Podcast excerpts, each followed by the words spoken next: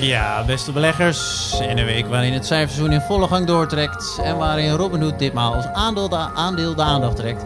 Met een monsterrally staat de AX andermaal op recordhoogte rond de 770 en de S&P rond de 4400. Tijd om te praten over beleggen. Dit is voorkennis. Three ways to make a living in this business. Be first, be smarter, or cheat. No, I don't cheat. Beleggersbelangen presenteert voor kennis.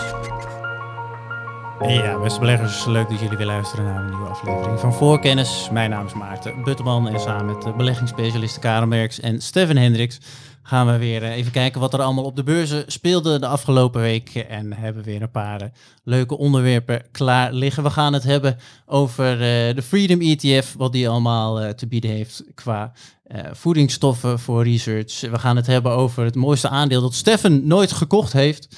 Uh, toeleveranciers van de biotech-industrie gaan we naar kijken. En ook of de ongelijkheid de markten in beweging gaat zetten. Maar we gaan eerst even terugblikken. En Karel, daarmee begin ik bij jou.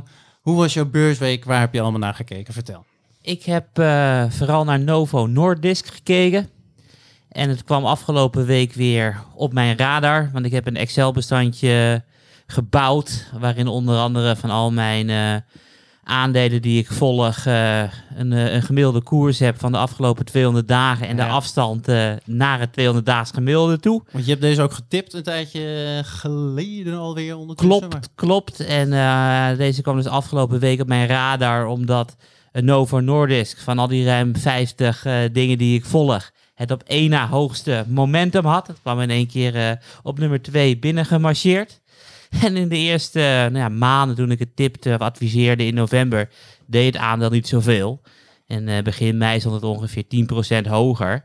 Maar afgelopen weken liep het rendement op naar uh, ruim 50%. Kijk eens aan, waarom? Dus waarom? Uh, ten eerste komt dat omdat de winstverwachting omhoog gegaan is. Dit jaar niet meer een groei van 6 tot 9% van de winst, maar het zal eerder volgens het concern 9 tot 12% zijn. En daarnaast is Novo Nordisk aan het diversificeren geslagen. Dus ze richten zich niet meer uh, alleen op de diabetesmedicijnen, maar ook uh, om producten om af te vallen. Ja. En met afvalproducten zijn ze nu helemaal hip geworden in de Verenigde Staten. Zijn ze ook daar bij meerdere ochtendshows uh, langsgekomen. Want ze hebben een nieuw product wat ja. heet We Go V. En daarbij vallen mensen 15% 15% van hun lichaamsgewicht raken ze binnen een paar maanden kwijt. Omdat dat medicijn de honger uh, onderdrukt. ja. En dat uh, is twee keer zoveel als de, als de concurrentie. Dus uh, elk ja, hip Amerikaan zit nu aan de WeGo V. Sinds 1 juni is het geïntroduceerd. en de koers gaat door het dak heen. Dus dat is dan wel, wel fijn als het werkt. Nou, leuk om mee te maken. Inderdaad, ook een grappige reden dat we dat bij de alle ochtendshows zitten. Ja, dat werkt natuurlijk voor marketingreden. Alright, Stefan, ook leuk dat jij erbij bent. Ik kom zo nog bij Karel terug om te kijken waar hij naar voor het blad mee bezig geweest is. Maar ik ben eerst benieuwd waar jij naar gekeken hebt deze week, Stefan. Nou, er was ontzettend veel, Maarten, waar de cijfers van onder meer Linde en Enel was allemaal heel erg interessant. Het valt allemaal te lezen in beleggersbelangen, maar een paar dingen die mij heel erg opvielen ik ben zelf niet zo van uh, de mijlpalen. Dus uh, dit bedrijf is nu zoveel waard. Of uh, dat bedrijf heeft. ben ik niet zo van. Karel nee. valt me dan nog eens mee lastig. en dan zeg ik, ah joh, dat doet er niet zo toe. Maar dan doe ik het zelf ook. want gisteravond, na een spectaculaire koersstijging, is BioNTech van het coronavaccin meer dan 100 miljard dollar waard. Dat is echt wel spectaculair. We hebben, ik heb daar voor het eerst over geschreven eind september vorig jaar. Mm. Uh, toen stond de koers, geloof ik, nog uh, rond de 70, 69, 70. Nu is het dik over de 400. Dus hij kan, het is een van mijn favoriete vaccin-aandelen. Van die kleinere spelers. Mm -hmm. En ja, het is een spectaculair resultaat. Ik, was, ik had niet Novavax of Moderna genoemd. Had ik ook kunnen doen waren ook hele spectaculaire resultaten geweest. Maar ik vind het toch wel noemen waard. Meer dan 100 miljard voor een ja, bedrijf waar uh, een half jaar geleden, nou, nou, iets langer, een jaar geleden misschien niemand nog van gehoord had. Uh, en nu dan, ja, het zou nu gewoon een AIX-bedrijf zijn. Dus dat was het eerste wat me opviel. Ja, en uh, we hebben ja, natuurlijk dan Steffens eerste mijlpaal hier in de podcast. Uh, ja, en later zo. Ja, laten we. Maar dat, maar dat terzijde. Oké, okay, waar kijk je nog meer naar? Ja, iets anders wat heel erg opviel is de, de koers van TeamViewer, die zoals ze dat in het Engels noemen, aan round tripping heeft gedaan. Dus TeamViewer is, uh, is een bedrijf dat het uh, mogelijk maakt om op afstand computers uh, te besturen. Dus ideaal voor thuiswerken. Is een, is een enorme profiteur, zou je kunnen zeggen, geweest van de coronacrisis. Dus mm -hmm. medio 2020 stond de koers op 26. Toen bijna verdubbeld, nou, meer dan verdubbeld eigenlijk, tot 53 medio juli. En nu weer helemaal terug naar 26. En ik, ik ben geen kenner. Ik zag dat, ik, dat de tweede kwartaalcijfers niet helemaal meevielen. Maar dat kan natuurlijk niet de hele verklaring zijn voor die, uh, voor die koersval. Maar het is wel opvallend dat een, uh, wat, wat eerst als een winnaar werd gezien natuurlijk van, uh, van de coronacrisis.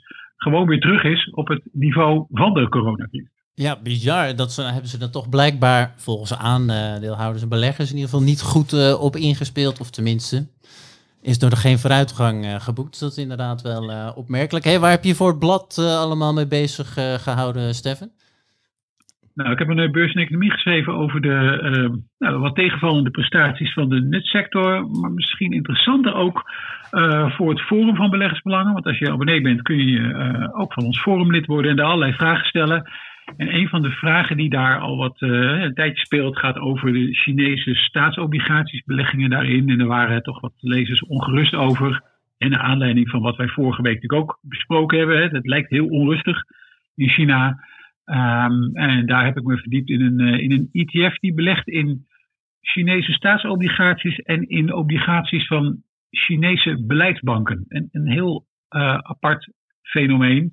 Uh, in ieder geval denk ik uh, het merendeel van onze abonnees wat gerust kunnen stellen dat die obligaties toch echt heel anders zijn dan uh, een aantal zeg maar, gewone bedrijfsobligaties uit China. Ja, ik heb toen wij aan het voorbellen, voor de luisteraars, wij bellen kort voor uiteraard om even de onderwerpen door te nemen. Toen hadden Karel en Steffen het over het draadje en toen ging ik het even doorlezen, want ik had hem nog niet gezien ik kan het gerust een draad noemen. Misschien zelfs wel een touw. Het is echt een omslagartikel aan content wat er staat. Maar heel leuk. En uh, voor de abonnees van Beleggersbelang, ik zet wel even een link in de show. Of je kan zelf kijken. En voor de rest uh, plugde Stefan al heel mooi dat je als abonnee van Beleggersbelang er gebruik van uh, kan maken. Super, Stefan. Karel, ik ben ook voor jou nog heel even benieuwd waar je voor het blad mee bezig bent geweest. Ik heb een column geschreven over Robin Hood, wat naar de beurs ging. En het porté van het verhaal was uh, dat het wel eens het einde zou kunnen zijn uh, van de retailmania. Um, daar wil ik het nu niet over hebben, maar wel over de beursintroductie. Want het was wel weer ja, heel erg bijzonder. Bizar, Want je hebt uh, er zijn in de hele Amerikaanse geschiedenis 51 bedrijven naar de beurs gegaan. die groter of gelijke grootte waren als Robin Hood. Valt me tegen trouwens. Het is uh, 40 miljard groot, hoor. Het is 40 uh, miljard. Je bent meteen uh, top 50% AX. Hè? Dus het is wel mega. Maar van al die 51 bedrijven was Robinhood met stip de slechtst presterende op de IPO-dag. Ja. En afgelopen dinsdag werd bekend dat Robinhood alle voorwaarden heeft aan voldaan om opties te mogen introduceren. Ja. Dus uh, nou ja, Retail Mania gaat uh, in opties uiteraard. Dus je zag dinsdag Robinhood met 25% stijgen. ja. Dan had je dus woensdag begonnen die opties te handelen. En, en hoe handel je dan? Nou ja, je koopt gewoon de optie die het snelst expireert en met de hoogste uitoefenprijs. Je duwt de koers omhoog en de market makers doen het zware werk. En die zetten dus bij in het eerste half uur van de handel Robinhood 81% hoger. Dus was het geen, uh, geen 40 meer, maar was het meer 50, 60 miljard aan, uh, aan beurswaarde. En die insiders dachten van, uh, wow, weet je, we hadden, ja. al, we hadden al een fantastische deal. De deal wordt nog veel beter. Dus zij hebben 100 miljoen aandelen verkocht. Kijk, en of het nou tegen 40, tegen 50, tegen 60 of tegen 70 is. Nou ja, 70 keer 100 miljoen. Heb je volgens mij nog altijd over 7 miljard. Dus je hebt keihard lopen cashen. ja. En uh, het spel is nu, uh, nu om. Want de optiebeurs heeft gezegd van ja, de, de hoogste strike hebben we inmiddels bereikt. Dus we gaan in augustus gaan we ook nog 170 dollar strike opties eh, introduceren. En die kopen retailbeleggers en ze gaan een poging wagen om hem daar doorheen eh, te duwen. We gaan, wordt ongetwijfeld uh, vervolgd, want het was een bizarre marktbeweging. Tijd om verder te gaan. Voorkennis. En verder gaan we aan de hand van de mooiste titel die uh, deze podcast misschien uh, ooit heeft gekend qua onderwerp. In ieder geval, Stefan noemde hem bij het voorbespreken heel even. Toen zei hij het mooiste aandeel dat ik nooit gekocht heb. Stefan, vertel. Ja, kijk, Maarten, ik beleg natuurlijk al, al een tijdje. En dan heb je wel eens van die aandelen, die uh, ben je ooit eens gaan volgen. En die zijn altijd wel ergens op je radar gebleven. Met in de loop der jaren tegengekomen. En toch om bepaalde reden uh, niet gekocht. En ik, en ik heb ook zo'n aandeel. En dat is het Amerikaanse Illumina. En dat is een bedrijf dat actief is op het gebied van wat dan DNA sequencing heet. Oftewel het in kaart brengen van genetische structuren van uh, mensen en dieren, maar bijvoorbeeld ook virussen, zoals het uh, coronavirus. Mm -hmm. En, en, daar, hè, dat de, de, genetische samenstelling van het coronavirus is in kaart gebracht, mede met apparatuur van Illumina. Nou, ik keek voor het eerst naar het aandeel. Volgens mij uh, was Karel toen ook al net bij ons, ergens in, in de herfst van 2007. Koers was geloof ik rond het 27. ah, leek me een baanbrekend bedrijf. Ik dacht, dit, dit, je zag het, we hadden toen ook net, was het menselijk genoom in kaart gebracht. Hè? Het project dat uh, in 2003 volgens mij was, uh, was afgelopen. En, nou, dus dat hele uh, genome sequencing, dat was, dat was toen ook al heel erg interessant. Ah, ik keek naar het bedrijf en dacht, ja, koers-winstverhouding van meer dan 50. Nou, ik wacht er even. Misschien moet ik het toch nog even, moet ik het toch nog even aankijken. Maar ben het aandeel wel blijven volgen koers liep natuurlijk enorm op. Tot uh, nou, medio 2011 waren we geloof ik inmiddels al bij de 76, ja, zo ruim 76 uh, dollar. Toen had ik al aardig... In andere tijden natuurlijk. Nu stijgt alles heel hard, maar destijds was nu dat uh, een ander momentum op de beurzen natuurlijk. Ja, precies. Maar bijna drie keer zo hoog hè? In, ja, ja. Wat zijn, in, in, vier jaar tijd is toch nog steeds, was toen ook een aardig, aardig rendement. ja. Toen viel de koers terug, eind, um, eind 2011. En toen dacht Roche, uh, Zwitserse uh, farmaceut en diagnostiekproducent, die dacht heel slim te zijn. Dus die brachten een overnamebod uit op, op Illumina. Was, overnamebod was ongeveer 6,8 miljard dollar waard. Het management van Illumina wilde absoluut niet, heeft zich ontzettend veel verzet. Groot aandeelhouders die eigenlijk ook niet mee wilden doen. Dus toen heeft Roche het maar gelaten heeft zich teruggetrokken en Illumina kon zelfstandig verder. En dat is uiteindelijk een gigantische hit geworden. Want vanaf dat punt is het aandeel al maar weer verder gaan stijgen tot um, 504 dollar. Ja. Nu, zo dicht tegen de hoogste koers ooit. Het bedrijf is dus niet meer 6,8 miljard waard, waarvoor Roche het ooit wilde kopen, maar 73,5 miljard. En de koers-winstverhouding is nog steeds enorm hoog. Die is nu uh, uh, hoger dan toen ik voor het eerst keek. 85. Uh, maar liefst hij is ooit even aan het einde zo van 2011, 23 geweest. Al die tijd heb ik iedere keer naar het aandeel gekeken. Vond het een fantastisch mooi bedrijf. Ontzettend interessante producten. Maar op de een of andere manier altijd tegen die waardering aangehikt. Stom natuurlijk, want die waardering is eigenlijk gewoon hoog gebleven. De koers is als een gek gegaan. Ja. Uh, want ja, had ik in 2007 gekocht, uh, ja, dan had ik denk ik zo'n 1750% gemaakt op mijn belegging in Illumina, als ik het nog vast had gehouden. Ja, en dat roept de vraag op natuurlijk. En nu? En nu, ja, en nu, dat, dat, dat is de vraag. Ja. En, zou je niet verbazen, Maarten, dat nog steeds, ik bedoel, met een heleboel aandelen ben ik dan, druk ik gewoon op de koopknop, die wil ik gewoon per se hebben. En die twijfel ik nog steeds. En je vindt natuurlijk altijd wel weer een reden om te twijfelen. Ja, de waardering is nog steeds weer hoog. Ja. 85. En wat er nu ook nog speelt is, ach, het is alweer een beetje een bizar verhaal bij Illumina.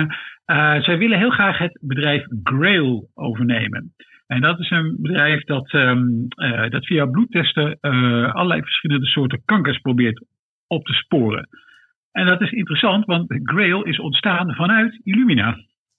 En Illumina heeft nog een belang bij, maar die willen nu graag het hele bedrijf weer terug hebben. Is, is dat afgestoten maar, of een onderdeel? Of hoe is dat? Uh... Ja, dat is uiteindelijk afgestoten. Uh, okay. En ze hebben er een, een belang in gehouden. Um, maar het probleem is dat nu mededingingsautoriteiten een beetje dwars beginnen te liggen. Ehm, nou, later vandaag komen ze met cijfers.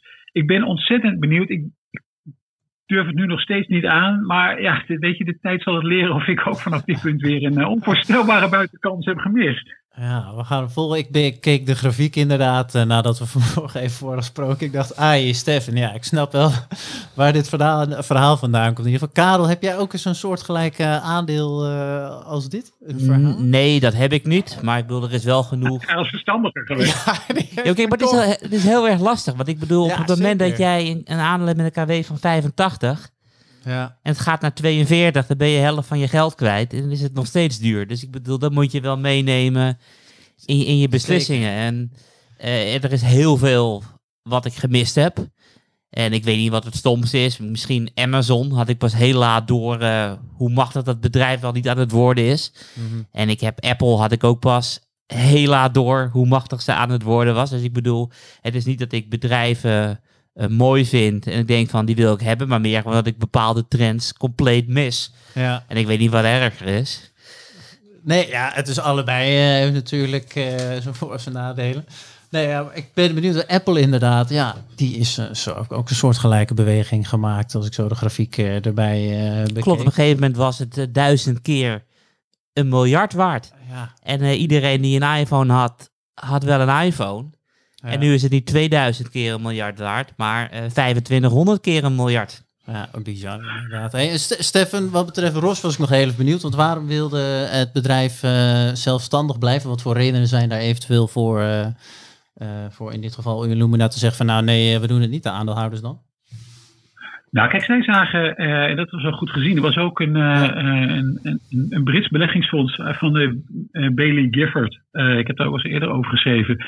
Die notabene ook hebben tegengestemd. En die zagen eigenlijk een potentieel wat natuurlijk verloren raakt op het moment dat het bedrijf wordt overgenomen. En we hebben het laatst wel gehad over, uh, in deze podcast over KPN. Dat ik zei, nou voor mij hoeft het niet overgenomen te worden. Wat er straks aan cash uit KPN komt, zou ik graag als aandeelhouder willen ontvangen. Mm-hmm. uh, en dat hebben die, die aandeelhouders en uh, de, ook de directie van Illumina, waar een aantal oprichters toch bij zaten, die hadden datzelfde gevoel. Die dachten van ja, maar hier zit, in dit bedrijf zit veel meer. En straks maken wij onderdeel uit van dat gigantische bedrijf Roche. En dan vind je ons niet meer terug. Dan zitten, dan zitten wij ergens in Roche divisie diagnostiek. En daar bevindt Illumina zich dan ergens. Wij kunnen zelfstandig door. En, en dat ze zelfstandig door konden, dat, hebben dat hebben ze wel bewezen. En ik vond het op zich wel goed van die, um, van die aandeelhouder, in dit geval het Britse beleggingsfonds, die dus ook zei, ja, wij kunnen in de, in de toekomst veel meer waarde creëren. Dus ja, misschien krijgen we nu een overnamepremie, kort, hartstikke leuk. Uh, en dan kunnen we laten zien aan onze beleggertjes, hè, we hebben uh, nou fijn wat voor jullie verdiend. Maar zij hebben ook op de langere termijn gekeken, potentieel gezien van die Illumina. En toen gezegd, Nee, nee, nee, dit, dit is geen, geen goede prijs. Dit bedrijf kan nog zoveel verder groeien. Uh, ja, dat is uiteindelijk gewoon een ontzettend goede zet geweest. Dus het is ook best wel goed om je als belegger nog wel eens te realiseren. Soms dan wordt er een bod uitgebracht op een aandeel dat je in portefeuille hebt. En dat kan misschien best interessant zijn, omdat je op korte termijn dan misschien een mooie overnamepremie kan realiseren. Ja. Maar soms is het opwaarts potentieel van zo'n bedrijf als zelfstandige eenheid uh, misschien nog veel groter. Ja, ja zo hadden we inderdaad. Uh, je noemde ook heel even KPN inderdaad een tijdje geleden met een uh, soort uh, gelijk verhaal. Oh, hey, en is het, ben ik nog een laatste vraag en heel kort, maar kan er nog iets gebeuren waardoor jij, even los van eventuele korting op de koers, maar waardoor jij het aandeel toch wel koopt? Als die overname van dat Grail zou lukken, dan wordt de positie van Illumina wel heel erg sterk. En dan komen ze ook weer op een nieuw marktsegment uit. Het zou bedrijf wel heel, heel, heel interessant maken. Maar het is tegelijkertijd ook precies de reden waarom mededingers en autoriteiten in zowel de VS als in Europa nu heel erg goed naar deze overname aan het kijken zijn. Dus dat, um, ja, ik ben heel erg benieuwd. Ja, we komen er uh, over een jaar of tien uh, komen we erop terug, uh, Stefan. Ja, ja, weer met buikpijn. Weer met buikpijn. Ik hoop het niet. Misschien heb je het gekocht uh, tegen die tijd. We gaan voor nu uh, verder en dat doen we aan de hand van de Freedom ETF. Want Karel, jij wil hier naar kijken. Vertel. Klopt. In de Verenigde Staten staan veel meer ETF's genoteerd dan in Europa. En helaas zijn deze ETF's niet toegankelijk voor de Europese belegger. Maar ik vind het wel leuk en leerzaam om af en toe eh, onder de motorkap te kijken bij zo'n ETF. En soms komt er ook nog een eh, aantrekkelijke markt voorbij die nog niet op mijn eh, radar stond. Mhm. Zoals je al zei, Freedom ETF. En dit is een ETF die belegt in opkomende markten. En de weging van een land wordt bepaald door de mate van hoe vrij mensen zijn. Ja, leuk perspectief. En, en daarvoor gebruiken zij de Human Freedom Index van het Cato Instituut. En zoals de luisteraars en jij ook wel weten, ben ik een groot fan van eh, grote Excel-bestanden. die zijn eh, gratis te downloaden bij die site. Dus je hebt 76 kolommen. En elke kolom is een apart vrijheid, eh, maatstaf. Of het nou eh, hoe de rechtsstaat eraan toe is. Of bijvoorbeeld eh, hoe vrij mensen zijn om relaties te mogen aangaan die zij Ja. zelf willen. En die 76 kolommen worden dan eh 162 landen gerangschikt eh, daarop. Ah, succes. Ja, klus waar je, waar je u tegen eh, zegt. Zetten we Stefan op. Ja, die vindt dat wel leuk, eh, denk ik. Eh, Nieuw-Zeeland is de nummer 1. Zwitserland de nummer 2 en Nederland staat op nummer 14. eh, doet goed mee, maar zoals gezegd, we gaan naar de opkomende markt eh, kijken. Mhm. En de grootste weging eh, in die Freedom ETF is Taiwan. Met eh 20%. Waarom? Het is een van de, ja, het vrijste land in de opkomende markten. Want in de totale ranking staan ze op 19. Ja. Dat is maar een paar plekjes eh, achter Nederland. Zuid-Korea is nummer 2 met 17%. En Polen en Chili hebben beide een weging van 15%. Mhm. En vergelijken we dan met de standaard eh, opkomende markt ETF, bijvoorbeeld eh, de iShares opkomende markt ETF. Die zit dan eh 33% in China, eh 14% in Taiwan. En India heeft bijvoorbeeld eh 10%. Ja, het is toch immense verschillen inderdaad. Klopt, eh, in China zijn ze wat, eh, wat minder vrij. Ik geloof dat zij op plek 129 staan. Dus je mag niet mee eh, in die ETF. En dat is een van de redenen waarom deze ETF met 33% eh, tegenover 19% voor de opkomende markten een stuk beter gepresteerd heeft. Ja. Maar kijken we dan naar de drie grote opvallende eh, landen, verschillen, dan zijn dat Chili, Polen en Indonesië. Respectievelijk eh, 30, 45 en 68 eh, op de ranking. Nou ja, Polen eh, volg ik al intensief. Ik heb er ook eh, in aantrekkelijke landen een aantal maanden geleden een verhaal van de week over geschreven. Chili volg ik al vanwege eh, grootste koperland ter wereld. Bij Indonesië stond nog totaal niet op mijn radar. Nee. En er wonen een kwart miljard mensen. Wat dus echt een, echt een hoop is. Dus ik heb gekeken van, kan je daar überhaupt wel in beleggen? En ik ben drie ETF's tegengekomen. Eentje van de Duitse Bank, eentje van HSBC en eh, eentje van Lixor. Duitse Bank is de grootste met eh 90 miljoen. Mhm. En de vraag is van, ja, is het eh, interessant om erin te beleggen? Dus ik denk, nou ja, laat ik maar even Indonesië vergelijken met onze eigen AEX. Ja. Afgelopen 20 jaar onze AEX plus 270 En eh, de MCI Indonesië, wat in die drie ETF's onderliggende index zit, zit zelfs op eh 1300% Het is een heel klein beetje eh, vertekend, omdat er natuurlijk een enorme zeepbel was in het jaar 2000 in de AEX.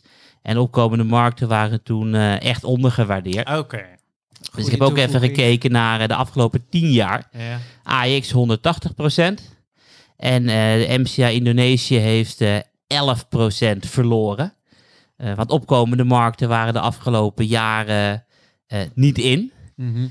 Dus ik denk dat eh, Indonesië wel een inslag te halen heeft. Het is echt verschrikkelijk te lijden gehad onder corona.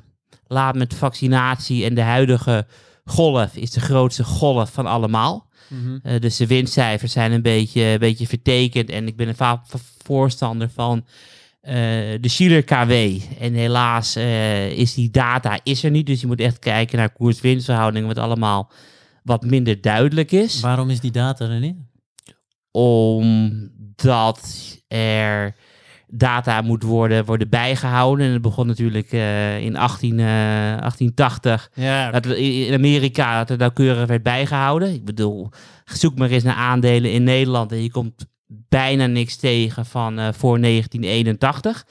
Eh, en de Chile KW heeft natuurlijk tien jaar nauwkeurige winstcijfers nodig. Dus er zijn mensen die het allemaal moeten inkloppen en uitrekenen. Helder. En, en die data is, is niet, eh, niet verkrijgbaar. Maar los daarvan is het wel een, een, een land wat op mijn radar gekomen is. Ik denk van, hé, hey, we- relatief vrij, grote beurs, slechte rendementen over de afgelopen tien jaar. Dus de waarderingen zijn wat gedaald. En ja, de waarderingen in de AX zijn de afgelopen tien jaar alleen maar hoger geworden.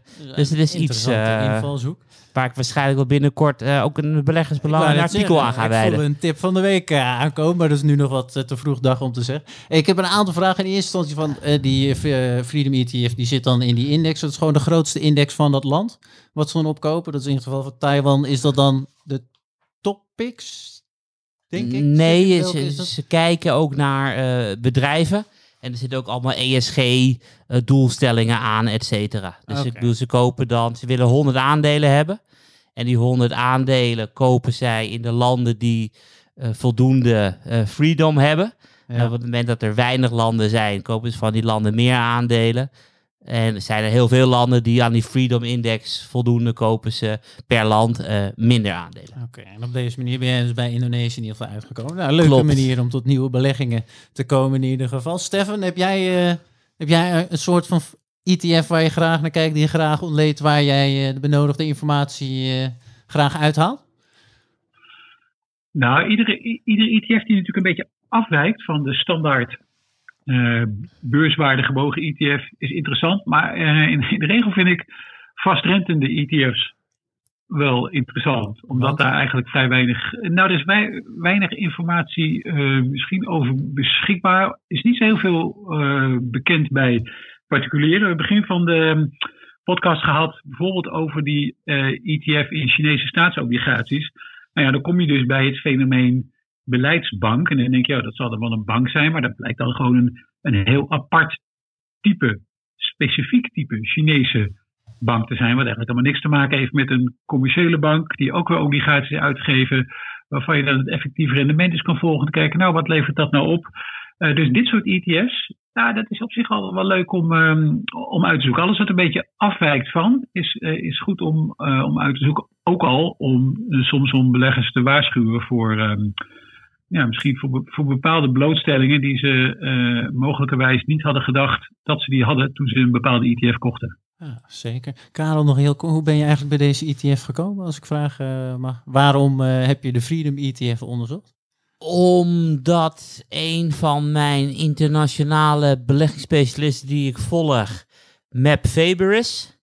En hij is de CEO van Cambria Capital. En ik luister wekelijks zijn podcast. En de oprichter van de Freedom ETF eh, was eh, een aantal weken geleden te gasten in zijn show. Dat ik van, hey, boeiend, eh, interessant. Ja, meteen heel even ingedoken. Nou, en nu dus Indonesië op het lijstje staan eh, om te onderzoeken. We komen er eh, ongetwijfeld op een later moment eh, nog op terug. Voor kennis.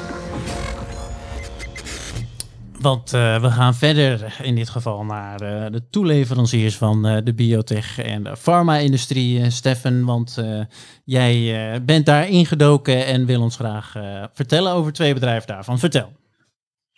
Ja, kijk Maarten, voor beleggersbelangen volg ik echt al heel erg lang de sector farmacie. En dan kijk je natuurlijk naar het, het eindproduct. Het, het medicijn dat op de markt komt. En nou, dat volg ik al heel erg lang. Maar afgelopen jaar ben ik ook iedere keer wat verder in die hele keten gedoken. Hoe die medicijnen nou uiteindelijk tot stand komen.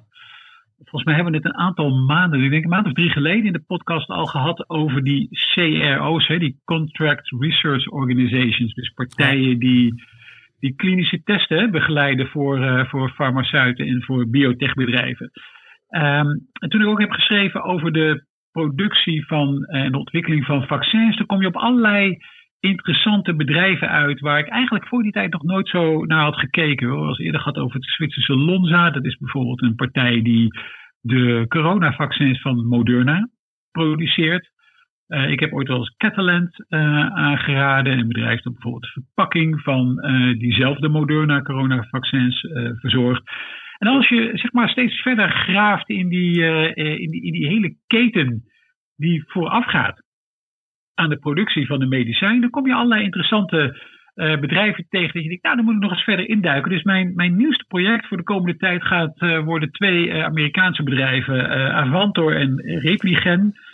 En Avantor is een bedrijf dat levert zogenaamde reagens en siliconen en aminozuren, maar bijvoorbeeld ook systemen om virussen te deactiveren. Nou, dat is nogal belangrijk.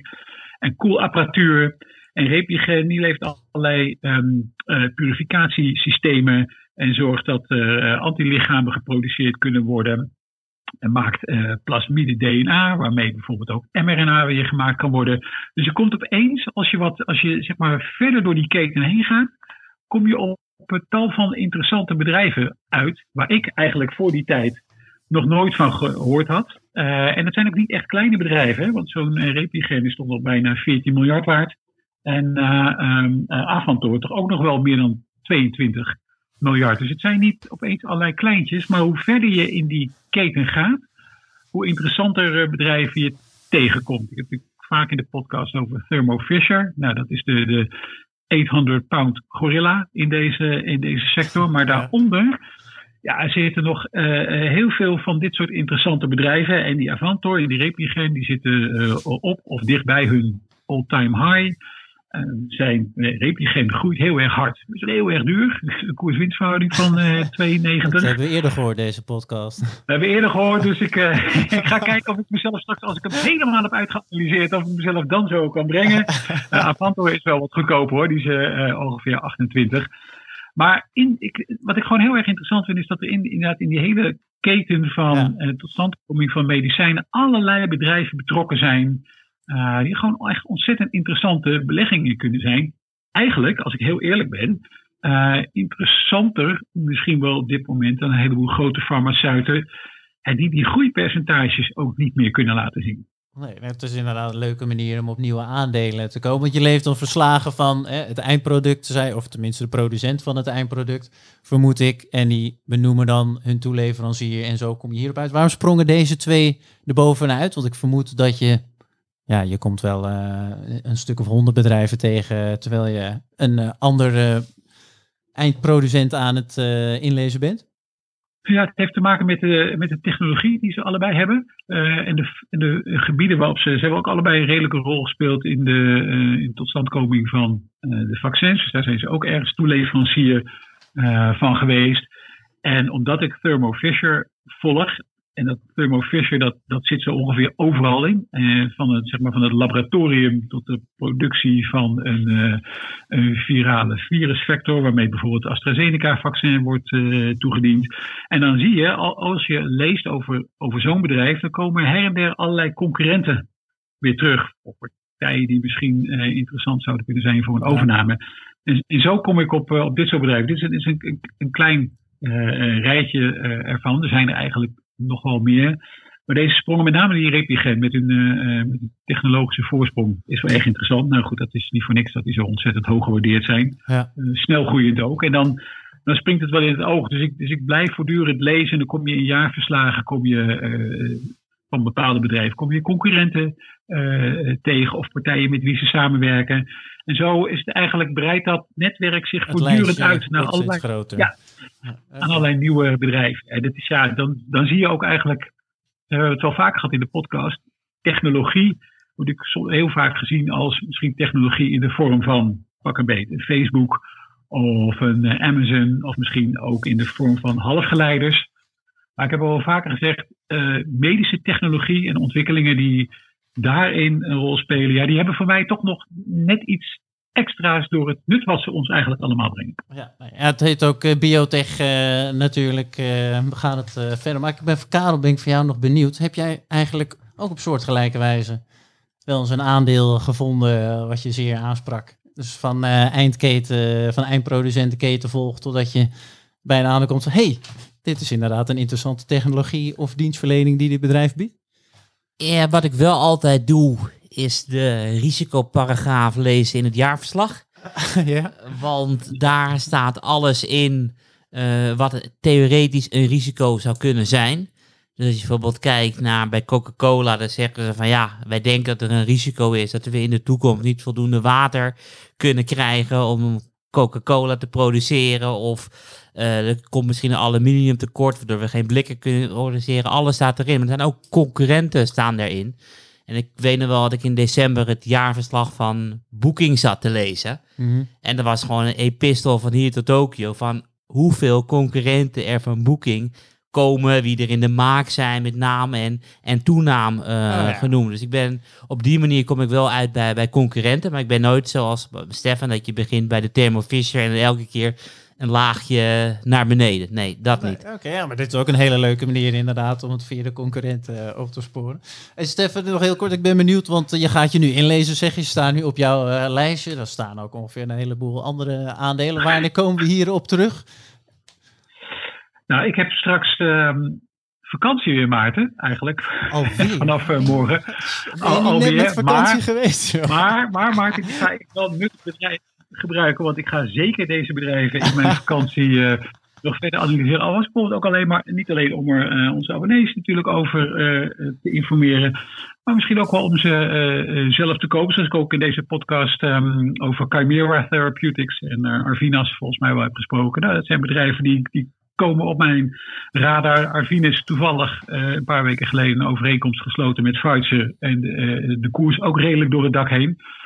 Ja, zo, zo blijven we die bedrijven volgen. En ik kom hier eh, dus met een, eh, eh, met een paar weken op terug. Oh, kijk eens aan. Dat is een mooie hè, belofte. Tijd om verder te gaan. Voorkennis. Toch altijd lekker als Stefan terugkomt van vakantie, komt met twee koopadviezen voor de luisteraars van voorkennis.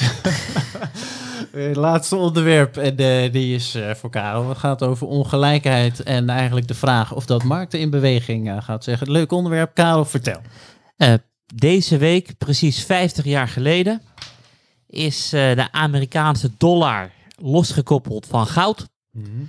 Eh, dat gebeurde in, eh, in 1971 dus. En er is een hele grappige website. Ik zal de link eh, in de show notes zetten. Eh, en die website heet eh, WTF Happened in 1971. Ja, ik bedoel, de, de- ik weet niet waar de letters WTF voor staan, maar... oh, eh, keurig. Ja, dat doe je heel mooi. Klopt, en ze hebben echt tientallen grafieken. En die tientallen grafieken lopen van na de Tweede Wereldoorlog tot nu. En bij die tientallen grafieken staat er elke keer een pijl bij eh, 1971. En je ziet echt duidelijk dat er wat in 1971 veranderd is. En ik bedoel, bij sommige grafieken zou ik willen zeggen, is dat correlatie of causatie. Maar het is wel opvallend dat er in 1971 iets belangrijks gebeurd is. Het was dus die loskoppeling. En een aantal voorbeelden wilde ik eh, eruit halen. Dus bijvoorbeeld tussen 1948 en 1971 groeide volgens het Amerikaanse Economic Institute de productiviteit en de compensatie voor werknemers beide met 91 En kijk je nou over de hele periode, 48 eh, tot nu, dan is het 246% eh, productiviteitsgroei en 115% eh, compensatie. En daaruit zie je dus heel duidelijk dat kapitaal vanaf 1971 eh, flink geprofiteerd heeft. En arbeid een stukje minder. En een aantal andere grafieken waar ik nog even op wil wijzen is eh, het aantal Amerikanen dat nog eh, bij hun ouders woont in de leeftijdscategorie eh, 18 tot 29. En het piekte dus in de jaren 30. was heel erg hoog. De all-time low was eind jaren 60, begin jaren 70. En die piekte ook weer vlak voor de coronacrisis. Dus ja, wat gebeurde er in 71? En een andere grafiek waar ik op wil wijzen, die ik ook wel opvallend vond, wat ik zelf eh, niet wist. Dus misschien dat ik mijn huiswerk eh, beter moeten maken. Maar ik dacht altijd dat de Verenigde Staten altijd al een land was wat enorm veel importeert. En heel veel schulden maakt. En daarvoor heel veel goederen koopt in de rest van de wereld. Maar eh, tussen 1971 was Amerika een exportland. En het exporteerde echt veel meer dan dat het importeerde. En had dus een begrotingsoverschot. en waar ik heel goed in ben, is, eh, is moeilijke vragen stellen aan Steffen. dus ik ga dat uiteraard eh, ook doen. Weet je, en ik bedoel, misschien is er nu wel een trend in de wereld aan het ontstaan dat we wat meer eh, gelijkheid willen en wat minder ongelijkheid en wat minder geld naar de 1% eh, rijkste mensen. En mijn vraag aan Stefan is, wat zullen de aandelenrendementen doen wanneer er meer gelijkheid in de wereld komt? Zijn er misschien sectoren die profiteren van meer gelijkheid? Of is ongelijkheid in de wereld iets wat de belegger compleet kan negeren? Het uh, podium is voor jou, Stefan. Oh, ik wilde nog heel even stil blijven. Jeetje, wat een. Uh, dat, is, dat, is, ook niet echt. Uh, mag, het, laten we er eerst maar eens van uitgaan, Karel, dat bijvoorbeeld de, er een politieke wil is om iets aan die ongelijkheid te doen. Dat is wel de eerste vraag. Want um, je noemde een aantal jonge Amerikanen dat nog thuis woont. Ik denk dat door het beleid van centrale banken een hele lage rente en een hele hoge huizenprijs dat we hier in West-Europa en bijvoorbeeld in Nederland mm-hmm. ook soortgelijke. Uh, de, het is voor een starter ook niet echt makkelijk om een uh, woning te verkrijgen. Al helemaal niet in de Randstad, maar volgens mij ook in steeds mindere mate in de rest van het land. Nou, de vraag is natuurlijk, wil je, wat, wat, wat, zou je als overheid willen doen en hoe ga je dat dan doen? En tot nu toe zijn, zijn een beetje soort halfslachtige plannen om de winstbelasting voor bedrijven bijvoorbeeld wat te verhogen. Om misschien die verhouding tussen, de, tussen dat wat er naar kapitaal gaat, naar eigenaren van bedrijven, uh, misschien wat te verminderen. En datgene wat naar werknemers gaat, iets te verbeteren. In het algemene zin zou je kunnen zeggen, op het moment dat bedrijven veel meer belasting moeten gaan betalen, dat dat voor de aandelenmarkt als geheel misschien niet zo gunstig zou zijn. Dat ieder bedrijf daar mogelijkerwijs dan uh, door getroffen wordt. Maar er zijn misschien ook wel uh, sectoren die profiteren van stijgende lonen van werknemers. Ja, de, de, de consumentenuitgaven, de restaurants, ja.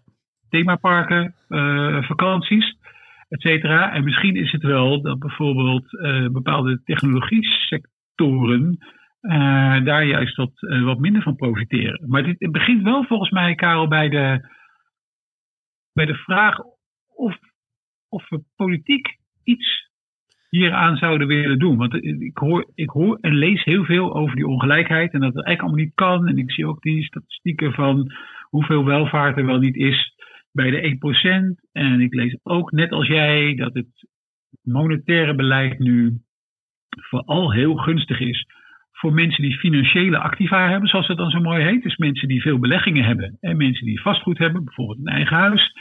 Nou, ik ben zelf ook uh, eigen woningbezitter uh, in Amsterdam. Ja, ik heb niet te klagen, maar ik hoef niet meer te kopen. dus, dus als aan mij straks gevraagd wordt misschien, hey, wil jij stemmen voor een wat andere verdeling van?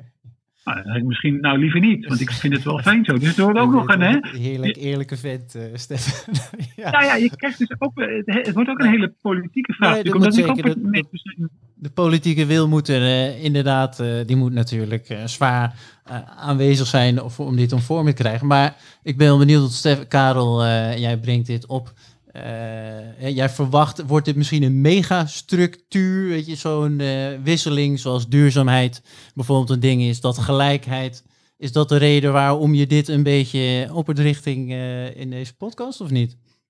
Ik weet het niet, het is meer gewoon een open vraag die ik zou willen stellen. Ik bedoel, je hebt natuurlijk een Amerikaan die duidelijk meer gelijkheid wilde. Bijvoorbeeld Andrew Yang, die wilde ook een Universal Basic Income invoeren in de Verenigde Staten. Hij kwam niet ver bij de presidentiële verkiezingen. Nee. Dus, maar ik denk dat op een gegeven moment is kapitaal zo sterk en arbeid zo zwak dat er een keer een, een tegenbeweging moet komen. Of dat in 2130 is of 2180, ik heb werkelijk geen idee. En ik was gewoon nieuwsgierig naar uh, de mening van Stefan hierover. Ja, het zou inderdaad, als de megatrend wordt of kan worden, dan uh, gaat dat zeker een rol spelen. Je noemde al heel even nog een paar uh, sectoren. Ook Stefan, ook nog aandelen toevallig in gedachten die echt specifieke namen? Of is dat wat te snel gevraagd? Nee, dat is echt veel. Dat is veel te snel gevraagd. Maar nee, ik zat al nog, nog, was nog diep in gedachten over, over de sectoren en over de consequenties van uh, deze trend. Want het is natuurlijk wel interessant, maar het is tegelijkertijd ook iets dat al best wel uh, ook een paar jaar speelt. Dus het is niet ja. iets van de, de laatste tijd. Uh, sterker nog, van, dit dateert al van veel langer. Hè? Als, de, als de arbeidsproductiviteit omhoog gaat, wie moet daar dan het meest van profiteren? en nu blijkt dat het bedrijfsleven te zijn en niet de werknemer. Maar ik zie ook niet zo snel wat die, wat die trend nu gaat keren. Want ook de belastingplannen, volgens mij zoals die door de OESO, dacht ik, zijn uh, geformuleerd voor uh, de vennootschapsbelasting voor bedrijven. Maar het is ook weer niet zo dat uh, die bedrijven nu opeens werkelijk bakken vol belasting moeten gaan betalen. Als we kijken naar inkomstenbelasting van, voor, de, voor de meest welvarende delen van de bevolking. Schiet dat ook nog niet zo hard omhoog, Karel. Jij weet die cijfers volgens mij beter. Maar was het niet zo dat in de jaren 30 de inkomstenbelasting, dat percentage in Amerika, wat is het, op 70% lag? Of in ieder geval echt enorm hoog was? Ja, klopt. Heb je gelijk in. nou ja, probeer nou eens met zo'n voorstel. Hè? Dus uh, je kan misschien wel verwijzen naar de, uh, de New Deal van de jaren 30 en zeggen: kijk, toen hebben we het ook gedaan en toen groeide de Amerikaanse economie ook en werd ook iedereen beter. Maar ja, wie gaat er vrijwillig de verkiezingen in met het plan om het uh, toptarief voor de inkomstenbelasting gewoon eens op 75% te zetten. Volgens mij heeft François Hollande dat in Frankrijk een keer geprobeerd. Ja. Het enige wat hij voor elkaar heeft gekregen volgens mij is dat hij Gérard Depardieu het land uit... Inderdaad. en, dat, en, en, dat valt niet mee. Uh, maar, maar laten we wel wezen, daar is verder ook niets uitgekomen. En, en Frankrijk zou wat mij betreft best een land zijn dat misschien wel eens een keertje te porren zou zijn. Voor ja, die zou de voorloper zijn. Ja. Ja, maar, daar lukt het en, en, de techbedrijven dan, Stefan, want daar is nu toch wel zo'n dingetje over sector gesproken die er eventueel... Voor de, de techbedrijven, daar wordt toch nu toch over extra belastingen ook gesproken in Europa? Zeker. Is dat niet zo'n onderdeel van zo'n trend uh, die daarbij... Uh... Ja, maar dat heeft misschien maar nog wel meer te maken met, uh, met, met de macht van die bedrijven. Ik heb toch, de, ja, toch een okay. beetje de indruk dat dat onderdeel uitmaakt hè, van het hele proces wat moeten we nou met die bedrijven die zo groot en zo machtig zijn geworden, uh, die, die ook ja, op de een of andere manier veel makkelijker in staat zijn nog om met hun, uh, hun, hun belastingen te schuiven. Maar dat is onderdeel van, volgens mij, van een wat groter project om, om, om grote techbedrijven aan te pakken. En dat heeft ook te maken met marktmacht of vermeende marktmacht.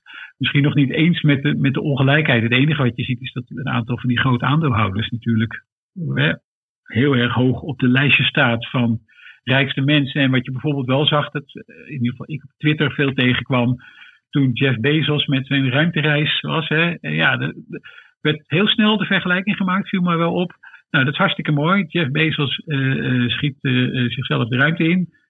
Maar ondertussen verdienen werknemers in de, in de distributiecentra van Amazon ja, ongeveer minimumloon. Maar zelfs dat, hè, dus, je, dus je hebt eigenlijk van die hele harde voorbeelden waarmee ze zeggen, nou, hier moeten we als, of hier moeten we, hier, hier willen we misschien als maatschappij wat aan doen. Maar het lijkt niet echt tractie te krijgen. Ik, nee. ik zie het nu nog niet echt gebeuren. En het lastige is ook van elke keer dat er meer gelijkheid in de wereld is gekomen, was het nooit zo goed voor de allerarmsten. Want in de jaren 30 was er meer gelijkheid dan in de jaren 20 omdat de Dow Jones met 86% naar beneden ging. Dus de rijken haalden heel veel geld kwijt, maar de armen werden er ook niet echt beter voor. En als je dan kijkt in de inflatie jaren 70, kapitaal uh, verloor toen heel veel vanwege de hoge inflatie. Maar voor de armen was het ook niet echt fijn, omdat de prijzen van voedsel flink aan het stijgen waren. Dus de vraag is een beetje van ja, moet je dit, kan je dit aanpassen? Of past de markt het op een gegeven moment aan door wat lagere waardering voor aandelen, waardoor het gat weer wat kleiner wordt. Ja, ik kan me nou, je zou kunnen denken... Ja, Stefan, Sorry, maar vooral. Nou, nou, ik zat te denken bijvoorbeeld een, een, een interessante testcase zou zijn die, uh, die maaltijdbezorgers. Of de uh, bedrijven die zorgen dat je heel snel je boodschappen, weet ik veel, in 20 minuten geloof ik. Uh, ja. nou ja, hoe worden, en, en de Ubers van deze wereld, hoe worden die werknemers gezien? moet, hè, moet je die werknemers straks anders gaan behandelen als echte werknemers? Dan kun je zeggen, nou het zijn eigenlijk gewoon uh, ZZP'ers uh, die gebruik maken van onze technologie. Nou, dat soort uh, cases zijn denk ik wel van belang. Want op het moment dat je het daar al niet voor elkaar krijgt, dus als het al niet lukt om die werknemers een andere positie te geven met andere arbeidsvoorwaarden, vermoed ik niet dat het elders in de economie uh, wel heel erg gaat lukken. Oh, maar je ziet nu ook toch politieke druk. Bij Just Eat Takeaway bijvoorbeeld is het volgens mij dat die CEO al zegt, of een van die bedrijven die heeft gezegd van ja nee, we gaan ze inderdaad echt eigen medewerkers maken. Dus het heeft zeker wel ook op individueel al uh, invloed. Ja, dat zou interessant worden. Maarten, dat zou interessant worden. Ja. En ik denk als je dat bijvoorbeeld gaat doorrekenen, hè, wat dat voor consequenties heeft voor het bedrijfsmodel van pak een beetje een, eh, een Uber en een Lyft en nog een aantal andere van dit soort eh, bedrijven, dan kom je misschien ook wel op interessante eh, waarderingen. En er worden natuurlijk ook wel rechtszaken eh, gevoerd. Ik ben ontzettend benieuwd hoe dat. eh, want, er is maatschappelijke onvrede, maar het, het omzetten van maatschappelijke onvrede in grote maatschappelijke veranderingen, dat is ook niet zo'n zo'n weg die zo makkelijk is. Nee, maar toch wel een leuke manier. Ik ben, ja, we hadden misschien eerst Justy Takeaway erbij moeten halen, maar dit krijgt nog wel een staartje, werkt, heb ik het gevoel. Karel, we komen er ongetwijfeld op terug, toch of niet? Zonder twijfel. Alright. Voorkennis. We gaan nog heel even vooruitblikken. Stefan, je gaat misschien wel op vakantie, maar eh, we zijn toch benieuwd wat jij... eh, ah, je gaat gewoon lekker werken op vakantie, toch? Lekker vrouw en kinderen negeren, lekker de cijfers in. Waar ga je allemaal naar kijken? Vertel. Nou, ik ga ze natuurlijk niet negeren, maar al was alleen maar omdat ze misschien ook nog meeluisteren. Nee, dat ga ik natuurlijk zeker niet doen. Eh, maar ik, ik ga ook uiteraard wel de beurzen blijven volgen. Een van de dingen die ik zeker ga volgen zijn de cijfers van München en Ruuk volgende week. Herverzekeraar. En ik ben heel erg benieuwd wat die uiteindelijk gaan zeggen over de overstromingsschade. Eh, bijvoorbeeld in Duitsland en, en welk deel aan hen misschien eventueel toevalt. Ik weet, ik weet altijd pas eigenlijk als er schade is geweest welke partijen daar precies in zitten. Mhm. En ik ben ook heel erg benieuwd of zij eh naar aanleiding hiervan eh, ook nog iets gaan doen aan hun bedrijfsmodel. Want ja, de München publiceert en ook andere herverzekeraars al best wel veel documenten over, nou over, over- over de risico's die zij tegenkomen. En de schade van natuurrampen is daar één van. En de frequentie van natuurrampen eh, is daar één van. Eh, dat heeft gevolgen natuurlijk voor, de, voor verzekeringspremies die, eh, die je afsluit. Maar ook voor hun eh, bedrijfsmodel. Dus, dus nog even los van die cijfers, die op zichzelf al interessant genoeg zijn. Ja, wordt het ook heel erg interessant om te zien hoe, hoe een partij als, als München Ruuk. Want uiteindelijk als er schade opgemaakt wordt en uitbetaald moet worden. Dan zijn de herverzekeraars zijn de partijen waar het eerst naar gekeken wordt. Oké, Goeie, komen we op terug. Karel, waar kijk jij allemaal naar? Vorige week was ik een heel enthousiast verhaal aan het, aan het houden over Disney. Waarom ik uitkeek naar Disney. En ik was ervan overtuigd dat afgelopen week de week was van 12 augustus. Bleek niet zo te zijn. Dus ik hoopte het, maar het klopte dus niet. Dus ik ga naar Disney kijken. Goeie. En daarnaast komt eh, 9 augustus ook nog eh, Berkshire Hathaway. En op 10 augustus komt eh Barrick Gold. Dus genoeg interessante bedrijfscijfers om te analyseren. Oké, maar daar komen we sowieso inderdaad nog wel op terug. Ik ben ook benieuwd naar de cijfers van eh, Berkshire. Is ook heel kort, is de aandeelverhouding eh, vergadering ook nu of niet? Nee, Ah, Oké, die volgt later. dus je hoeft niet eh, zes uur naar eh, Buffett en Munger te luisteren. Nee, alright. Stefan, we wensen je een fijne vakantie toe. En tot de luisteraars. Dankjewel. Tot de volgende keer.